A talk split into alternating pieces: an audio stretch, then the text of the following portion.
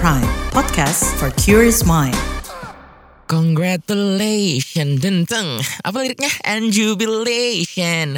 I want the world to know I'm happy as can be. Eh, ceria amat sih Bun ada apa sih lo hari ini Lagi ini ya Lu seneng banget sama gara-gara Erick Thohir jadi ketua umum PSSI nih Kagak, gimana sih lo? Ini gue lagi seneng banget loh. Kan kita tuh gimana ya? Terharu gitu.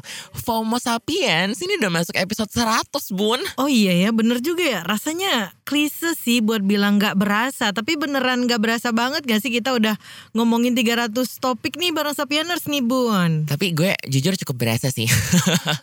Kayak bosen gitu, kita ketemu lagi, ketemu lagi. Hmm, mana tiap ketemu ngomonginnya yang berat-berat gitu loh, Bun. Oh ya udah jadi segitu aja nih persahabatan kita Enggak dong. Kan you know how much I love you.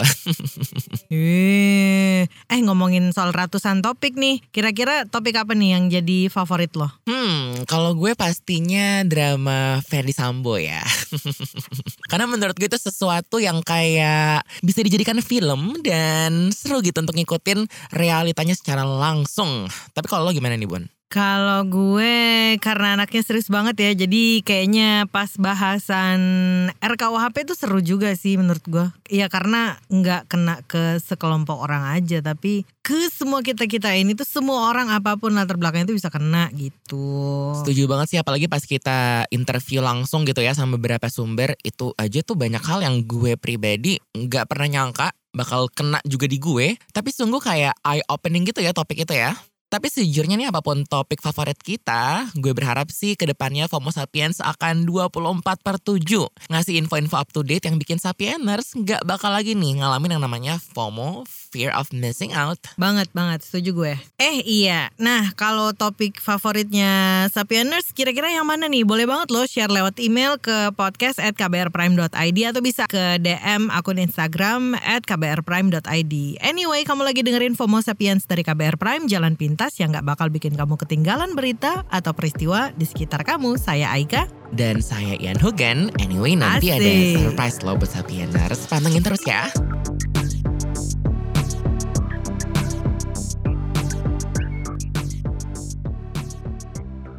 Bun Bun, gimana nih persiapan progres persiapan S2 lo? Persiapan progres persiapan gimana? Coba tuh. well, karena ternyata tahun ini banyak ya agenda-agenda ke sana kemarinya. Jadi nampaknya hal-hal akademis yang akan menyita waktu ini agak aku postpone dulu deh nampaknya. Aduh, tapi semoga lancar ya Bun ya, segala sesuatunya gitu. Eh tapi kalau ngomongin beasiswa nih, lagi ada yang rame tahu soal perbeasiswaan. Waduh, apaan tuh bun? Spill coba. Aduh, mulut gibah aku jadi ingin berbicara karena berhubung yang ini lain gue panjang banget, Bo. Ramein dulu ya, baru lanjut part 2 gitu. Canda banget sih.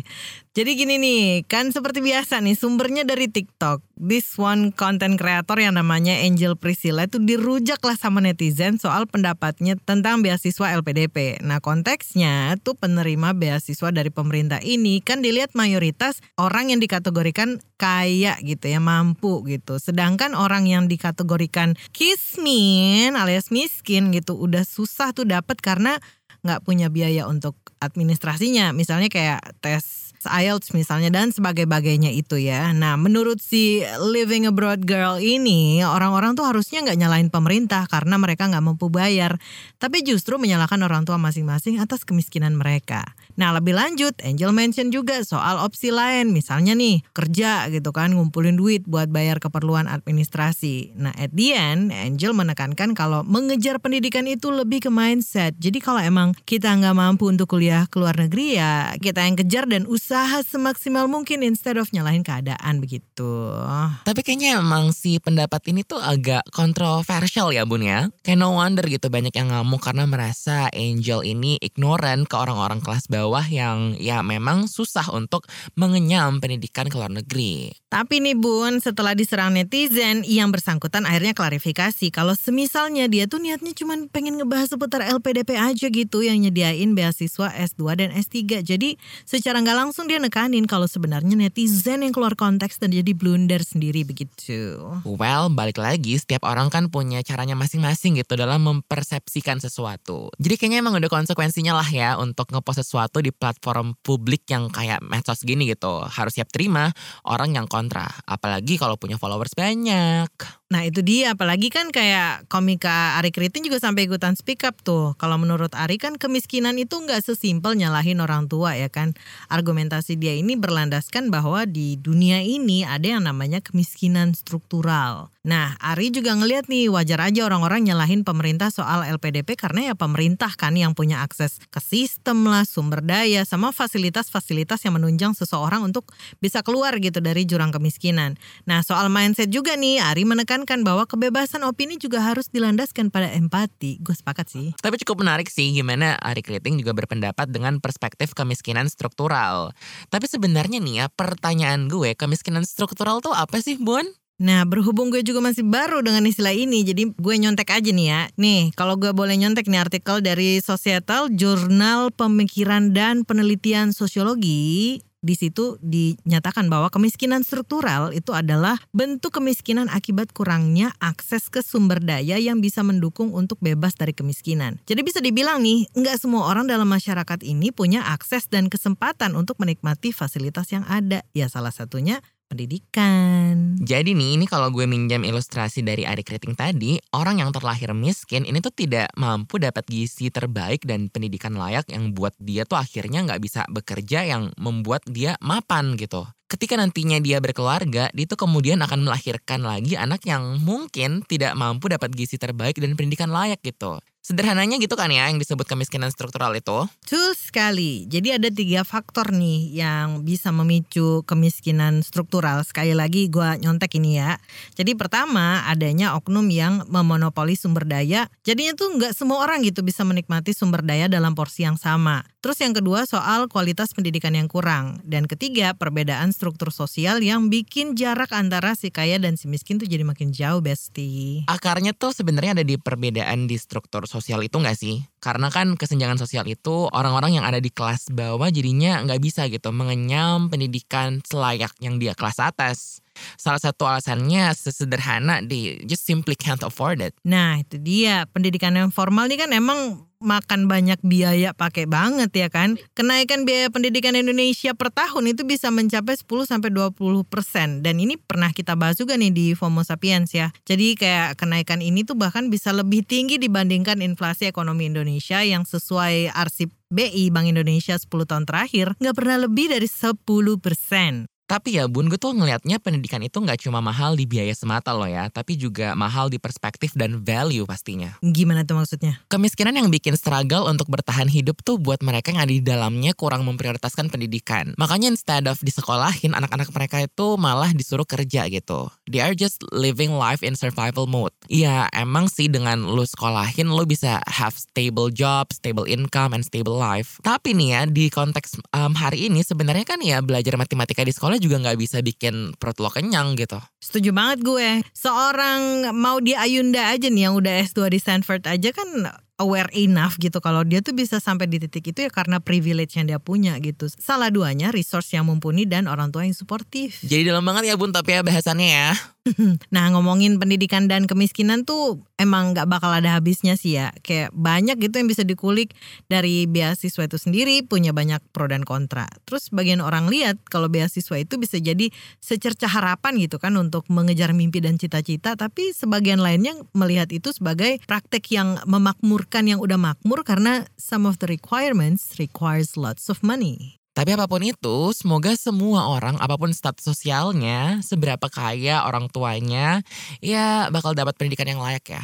Jadi seperti yang dibilang sama anggota legislatif Amerika Serikat Bernie Sanders dalam bahasa Indonesia nih ya Wak ya, bahwa pendidikan itu adalah hak dasar dan bukan kemewahan.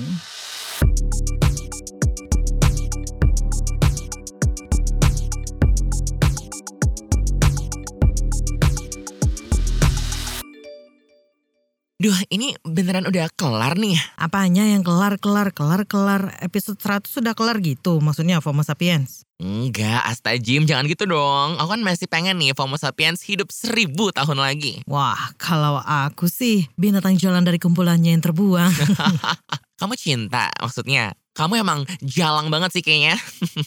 AADC banget nih kita ya bun ya. Udah lewat kali masanya sih. Sekarang kan eranya Dear David. Tapi emang beda dong ya. Kalau ADC kan sastra banget gitu. Pakai bawa-bawa Channel Anwar segala gitu ya. Tapi sementara kalau um, Dear David nih menurut gue lebih fanfiction erotik ala-ala gimana gitu. Lah emangnya kenapa deh? Kan semuanya sama-sama baik. Kalau menurut gue sama-sama karya sastra gitu. Eh tapi ini ya. Uh, menurut netizen tuh dibilangnya kayak lah kok malah gitu. Ini menurut netizen loh ya. Apaannya tuh? Itu soal hukuman mati yang bisa berubah kalau selama 10 tahun masa percobaan. Terpidana berbuat baik di penjara katanya. Aturan dalam KUHP baru kan yang disahkan ini lebih patas dari Bu Sumber Kencono itu loh. Itu udah ganti kali. Sekarang kan namanya udah jadi ini Sumber Selamat dan Sugeng Rahayu. Nah, Kok tapi kok lo tau tahuan bun? ya baca dong cinta. Kan gue juga anaknya baca dikit-dikit doang gitu. Yang itu tadi soal perkara hukuman mati itu. Nah, BTW ini meringkas saja nih ya Sapieners. Ferdi Sambo kan difonis tuh pidana mati. Sementara jaksa menuntutnya pidana penjara seumur hidup. Sementara istrinya Putri Chandrawati difonis 20 tahun penjara lebih berat dari tuntutan jaksa yaitu pidana penjara 8 tahun. Nah, Kuat Maruf difonis 15 tahun lebih tinggi dari tuntutan jaksa yang hanya 8 tahun penjara. Nah sementara nih Baradae atau Richard Eliezer itu difonis satu setengah tahun penjara. Tapi kok ya ringan banget gitu. Ini kok Sambo masih bisa diubah hukumannya jadi seumur hidup doang. Ini ini pertanyaan netizen loh ya, bukan gue. Ya, terus yang harus jawab gue gitu. si itu emang pakar hukum. Enggak sih pakar azab kalau saya. Karena biasanya uh, dia asap-asapin ya sama netizen ya. Ya jangan gitu dong. Anyway ini kita daripada kita makin ngalur ngidul ya kan. Kita ngobrol aja nih biar jelas dan terang benderang gitu. Nah perkara putusan Sambo CS ini eh, kita nggak hanya berdua nih Ian dan Aika tapi juga kita udah bareng sama peneliti dari ICJR Institute for Criminal Justice Reform ada Iftita Sari. Kak Tita dari yang udah seheboh nih ya semingguan ini gitu soal putusannya Baradae kan penjara satu setengah tahun tuh. Nah banyak tuh yang bertanya-tanya ya kan kamu nanya gitu kok ringan banget gitu hukumannya emang itu udah sesuai hukum apa gimana nih? Iya, emang kalau soal berat ringannya hukuman kan itu kewenangannya hakim ya. Hakim punya pertimbangan, punya independensi soal mempertimbangkan berat ringannya hukuman gitu, walaupun memang jauh sekali dari tuntutan jaksa penuntut umum. Nah, sebetulnya kalau dari kacamata ICJR, dari kami, kami sih kemarin waktu ngirim kami kure ya ke pengadilan itu, kita nggak menetapkan tuh nggak minta ke jaksa atau ke hakim hukuman berapa tahun tertentu gitu ya. Cuman yang kita perlu mintakan adalah soal uh, bagaimana bagaimana perlakuan kepada si Baradae ini sebagai justice kolaborator, sebagai JC yang dia itu berhak untuk mendapatkan uh, hukuman paling ringan di antara para pelaku yang lainnya. Jadi nggak ada berapa tahun gitu ya kita sebutkan itu memang tergantung uh, jaksa dan juga hakim mempertimbangkannya dengan konstruksi kasus, dengan perannya, dengan hal-hal yang memberatkan dan meringankan dan segala macam pertimbangan lah yang memang itu menurut hakim sudah bijaksana gitu dengan memberikan satu setengah tahun penjara gitu. Jadi memang yang juga kita tekankan sih sebetulnya bagaimana kejujuran itu dihargai ya dalam kasus ini ya dan itu kan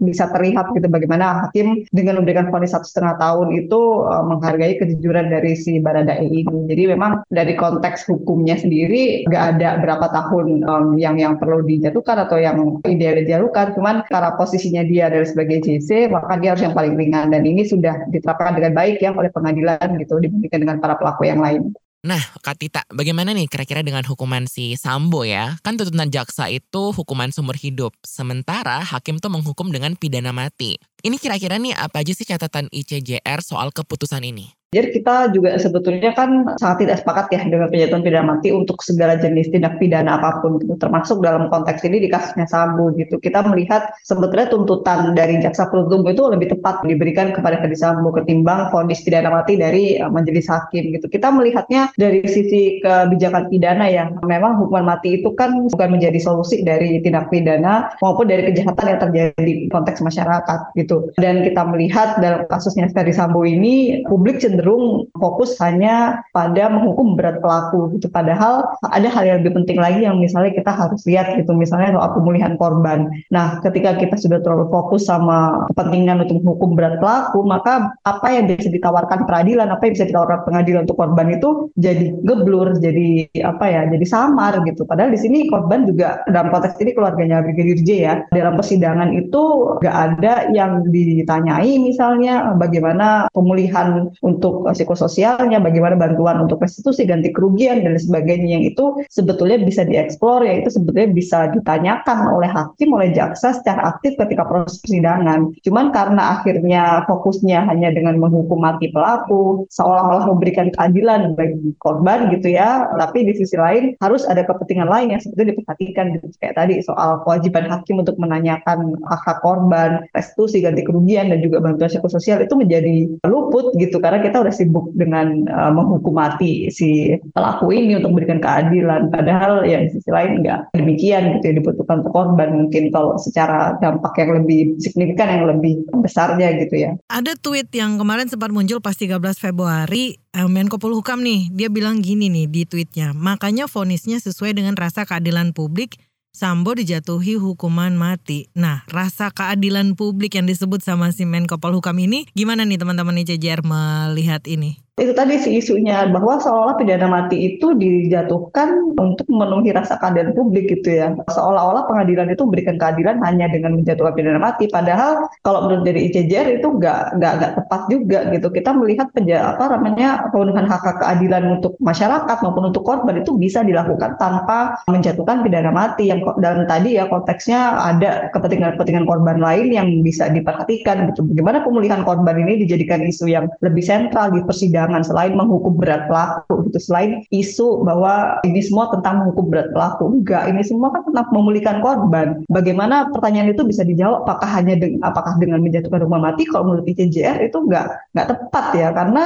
jatuhnya ya tadi pidana mati itu kan hukuman yang populis ya. Hukuman yang mau mengeksploitasi amarahnya publik gitu ya publik marah dengan kasus ini bahwa kasus ini sempat ada upaya rekayasa ada tindak apa namanya upaya-upaya untuk menghilangkan barang bukti obstruksi obstruction of justice, kemudian dan berbagai macam dinamikanya lah, sehingga akhirnya membuat publik itu merasa punitif gitu ya, mau menghukum berat pelaku dan akhirnya pengadilan juga menyambut populisme itu gitu. Dan jadi seolah-olah akhirnya keadilan itu ya hanya dengan memberikan pidana mati, padahal yang menjadi sentral di sini adalah pemulihan korbannya bagaimana nih keluarga korban, keluarga Brigadir J, apa yang bisa didapatkan dari proses ini gitu selain pelakunya dihukum mati gitu. Yang itu sebenarnya juga nggak nggak berdampak yang terlalu besar untuk kehidupan korban atau keluarga ke depan ya. Kalau bisa dibandingkan dengan pemberian uh, bantuan psikologi, psikososial, memulihkan kondisi mereka yang kehilangan korban, kemudian bantuan pembayaran ganti kerugian atau restitusi dari pelaku. Nah ini kan hal-hal yang sebetulnya lebih lebih kalau kami lihat lebih berdampak lebih signifikan dengan lebih bisa menjawab bagaimana soal pemulihan korban itu ketimbang memenuhi amarah memenuhi amarah publik yang soal populisme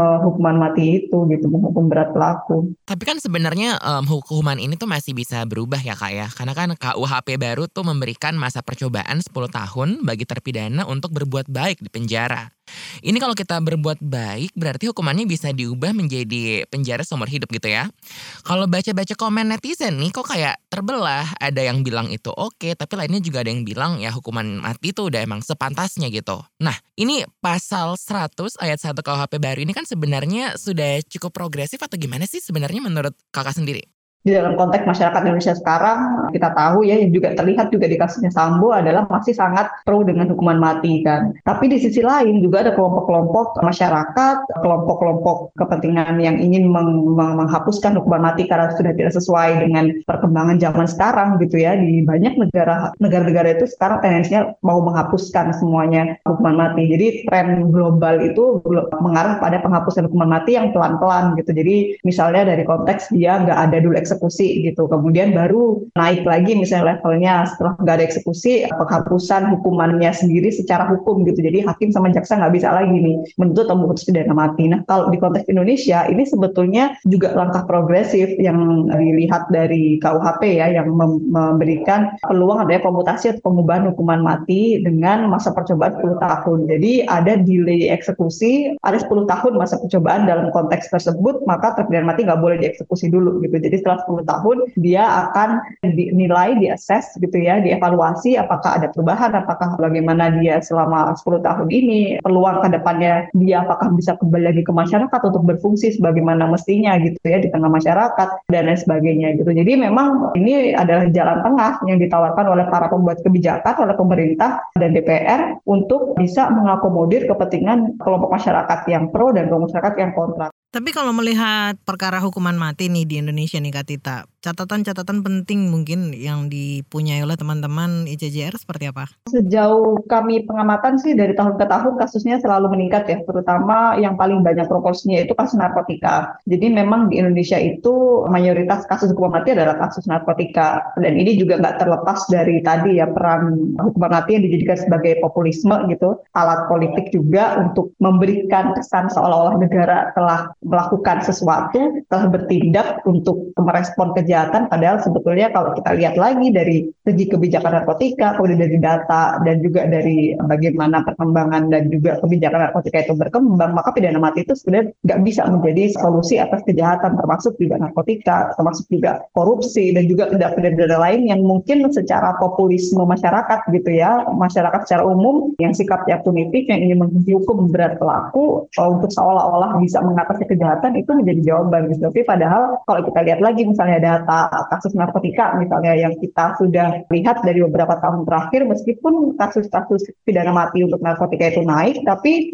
angka kejahatan narkotika itu juga nggak ada perubahan untuk penurunan gitu. Jadi sulit gitu untuk kita menyimpulkan bahwa ada efek jerak lah yang misalnya bisa terjadi ketika kita mengenalkan atau kita memberikan hukuman mati. Faktanya juga nggak juga gitu. Bahkan kalau di kebijakan narkotika itu kan kita melihat kacamatanya supply demand ya. Cara kerja pasar gelap narkotika itu yang sebetulnya menjadi musuh kita bersama gitu. Bagaimana kita bisa memberantas peredaran pasar gelap ini. Nah, ketika ada resiko yang lebih tinggi misalnya dengan orang menjadi kurir kemudian dia terancam dengan pidana mati, maka resiko untuk dia menjadi kurir kan tinggi ya dan otomatis harga narkotika, harga peredaran di pasar gelapnya ini juga menjadi naik gitu. Jadi yang ada kita malah menyuburkan si pasar peredaran gelap ini sebetulnya dengan kita memberikan intervensi yang salah melalui kebijakan jatuh hukuman mati ini.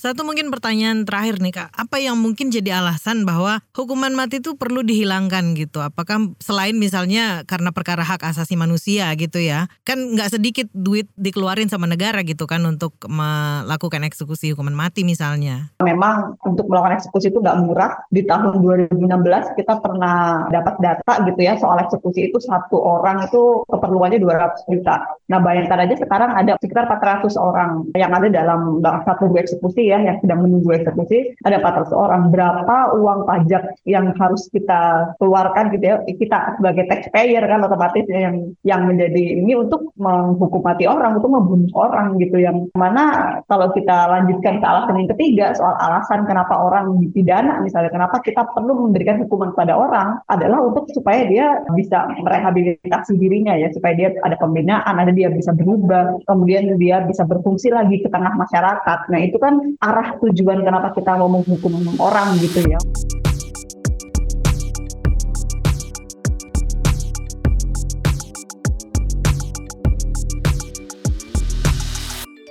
Bun, seperti yang kita pernah diskusikan ya kemarin-kemarin nih, Say. Kan Februari is a month full of love. Gue mau nanya deh, walaupun gue juga udah tahu sih jawaban lo via instastory lo yang gemoy itu. Kemarin waktu Valentine lo ngapain sih, Say?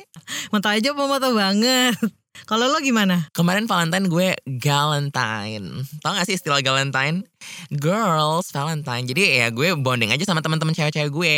Oh, Happy Valentine's Day, Sapieners. Semoga Valentine yang ini tuh, um, walaupun mungkin yang belum ada jodoh kayak gue gitu, bisa semakin cepat ya dipertemukan dengan hal-hal menyenangkan lainnya. Amin. amin. Eh, tapi jangan lupa juga buat mencintai diri sendiri juga ya kan Bun kan? AKA self love gitu. Penting banget loh itu manjain diri, hilangin stres supaya badan dan pikiran tetap sehat begitu. Exactly. Ini Sapieners yang jomblo kayaknya relate ya sama gue. Tapi nggak apa-apa Sapieners. Semoga tahun 2023 ini mau itu ada jodoh atau enggak. Yang harus diingat tuh kita harus tetap bahagia gitu. Tetap cinta kepada diri sendiri.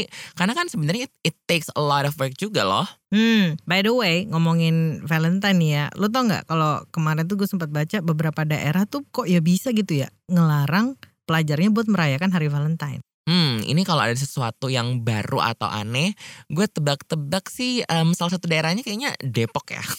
Ah, kepada Dinas Kependudukan Depok, tolong ah, KTP yang dicabut, tapi lu bukan KTP Depok kan? Enggak dong. Eh, jadi nih Dinas Pendidikan Kota Depok ngeluarin surat larangan untuk semua pelajar SD dan SMP untuk merayakan Hari Valentine atau Hari Kasih Sayang pada 14 Februari. Nah, surat itu ditujukanlah kepada pengawas, kepala sekolah SD dan SMP, juga pimpinan lembaga non formal di Depok. Nah, kalau menurut Sekretaris Dinas Pendidikan Kota Depok nih, Pak Sutarno, tapi larangan itu tujuannya untuk mengembangkan karakter dan kepribadian murid supaya berakhlak mulia dan menjaga peserta didik dari kegiatan yang tidak sesuai dengan norma agama, sosial, dan budaya terkait hari kasih sayang. Tapi nih Bun, ternyata nggak Depok aja. Dinas Pendidikan Kota Surabaya juga melarang peserta didik untuk merayakan hari Valentine di luar lingkungan sekolah. Kalau dari surat edarannya sih, Dinas Pendidikan ini tuh meminta pihak sekolah untuk melakukan pengawasan dan pemantauan kegiatan peserta didik dan berkoordinasi dengan orang tua ketika di luar sekolah. Aduh, ada lagi nih selain Depok sama Surabaya, Blitar itu juga ngeluarin surat timbauan ke sekolah untuk tidak merayakan hari Valentine karena 14 Februari itu bertepatan dengan peringatan Hari Cinta Tanah Air. Jadi kalau dilansir dari situs resminya pemerintah Kota Blitar nih, Hari Cinta Tanah Air itu udah mulai ada pada 2020 sebagai pengingat perjuangan pembela tanah air atau PETA gitu. Tapi yang jadi pertanyaan gue sebenarnya kenapa harus dilarang ya? Kayak ribet aja gitu harus ngelarang-larang. Valentine ini kan sebenarnya dirayain tiap tahun juga kan, special day untuk menunjukkan kasih sayang untuk orang lain gitu. Ya biasanya tuh kalau sesuatu yang semakin dilarang itu biasanya semakin dilakukan ya enggak sih? Dan sebenarnya ya cintaan itu kan bisa kita rayakan tiap saat kan, nggak mesti waktu pas 14 Februari aja gitu. Setuju. Kalau dari quotes yang pernah gue baca ya, ini bukan gue yang tulis ya Sapieners. gue baca aja gitu. You don't have to wait until Valentine's Day to show someone how much they mean to you. Wah, sekarang udah banyak nih kan, apalagi cara yang bisa dilakukan untuk eh, menunjukkan atau memberikan rasa sayang kita gitu. Mulai dari yang eh, kasih coklat lah, dinner lah, tuker kado lah, semua yang dilakukan asalkan bahagia. Ya itu udah bisa jadi Valentine kan untuk diri kita masing-masing gitu. Atau mungkin kaum-kaum zomblo seperti gue ya, bisa pergi sama teman-teman buat staycation bareng mungkin, nonton bareng, karaoke bareng. Jadi jangan bersedih Sapieners yang jomblo, karena kita juga sama kok. Atau mungkin family time nih, eh, makan keluarga, foto bareng, kasih kado spesial ke keluarga gitu. Kan banyak cara ya bun ya menuju Roma gitu dan tentunya nggak selalu di hari Valentine ya. Jadi intinya buat adik-adik yang masih SD dan SMP cimit-cimit gitu, kalian jangan berkecil hati karena larangan ngerayain Valentine ini. Kan ini udah dikasih referensi ya, em, ngerayain Valentine tuh udah bisa setiap hari, tenang aja. Ya asal ngerayainnya tetap sama orang yang disayang ya bun. Sama pasangan maksud lo, duh ini kan adik-adik cimit ini kan masih terlalu muda gitu untuk mengerti apa sih pasangan itu. Aduh deh, cinta tak selamanya indah deh. Eh, maksud gue tuh kan sama keluarga dan teman-teman dong ya. Ini bobonya Ian ngebet banget kayaknya butuh Prince Charming ya. Ya kali aja jodoh gue salah satu Sapieners kan no one knows.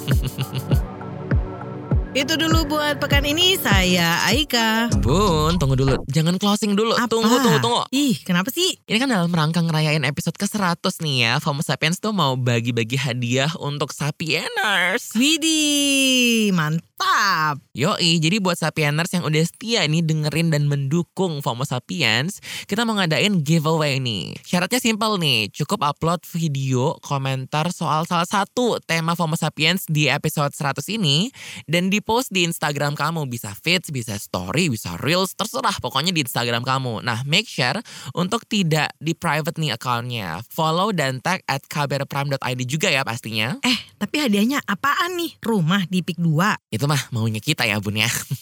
Satu Sapieners beruntung bakal dapat apresiasi berupa 500 ribu rupiah dan kesempatan untuk ngobrol bareng kita di episode selanjutnya. Nge-co-host bareng kita bun. Duh, kesempatan juga deh buat ngobrol sama The Ian Hugan. Aduh apaan sih ini ada di skripnya emang nih. Nah informasi lebih lanjut bisa langsung dicek Instagramnya at kbrprime.id Dan pastinya kita tunggu ya partisipasinya Sapieners Kita tunggu. Saya Aika. Dan saya Ian Hugan, sampai ketemu pekan depan. Bye!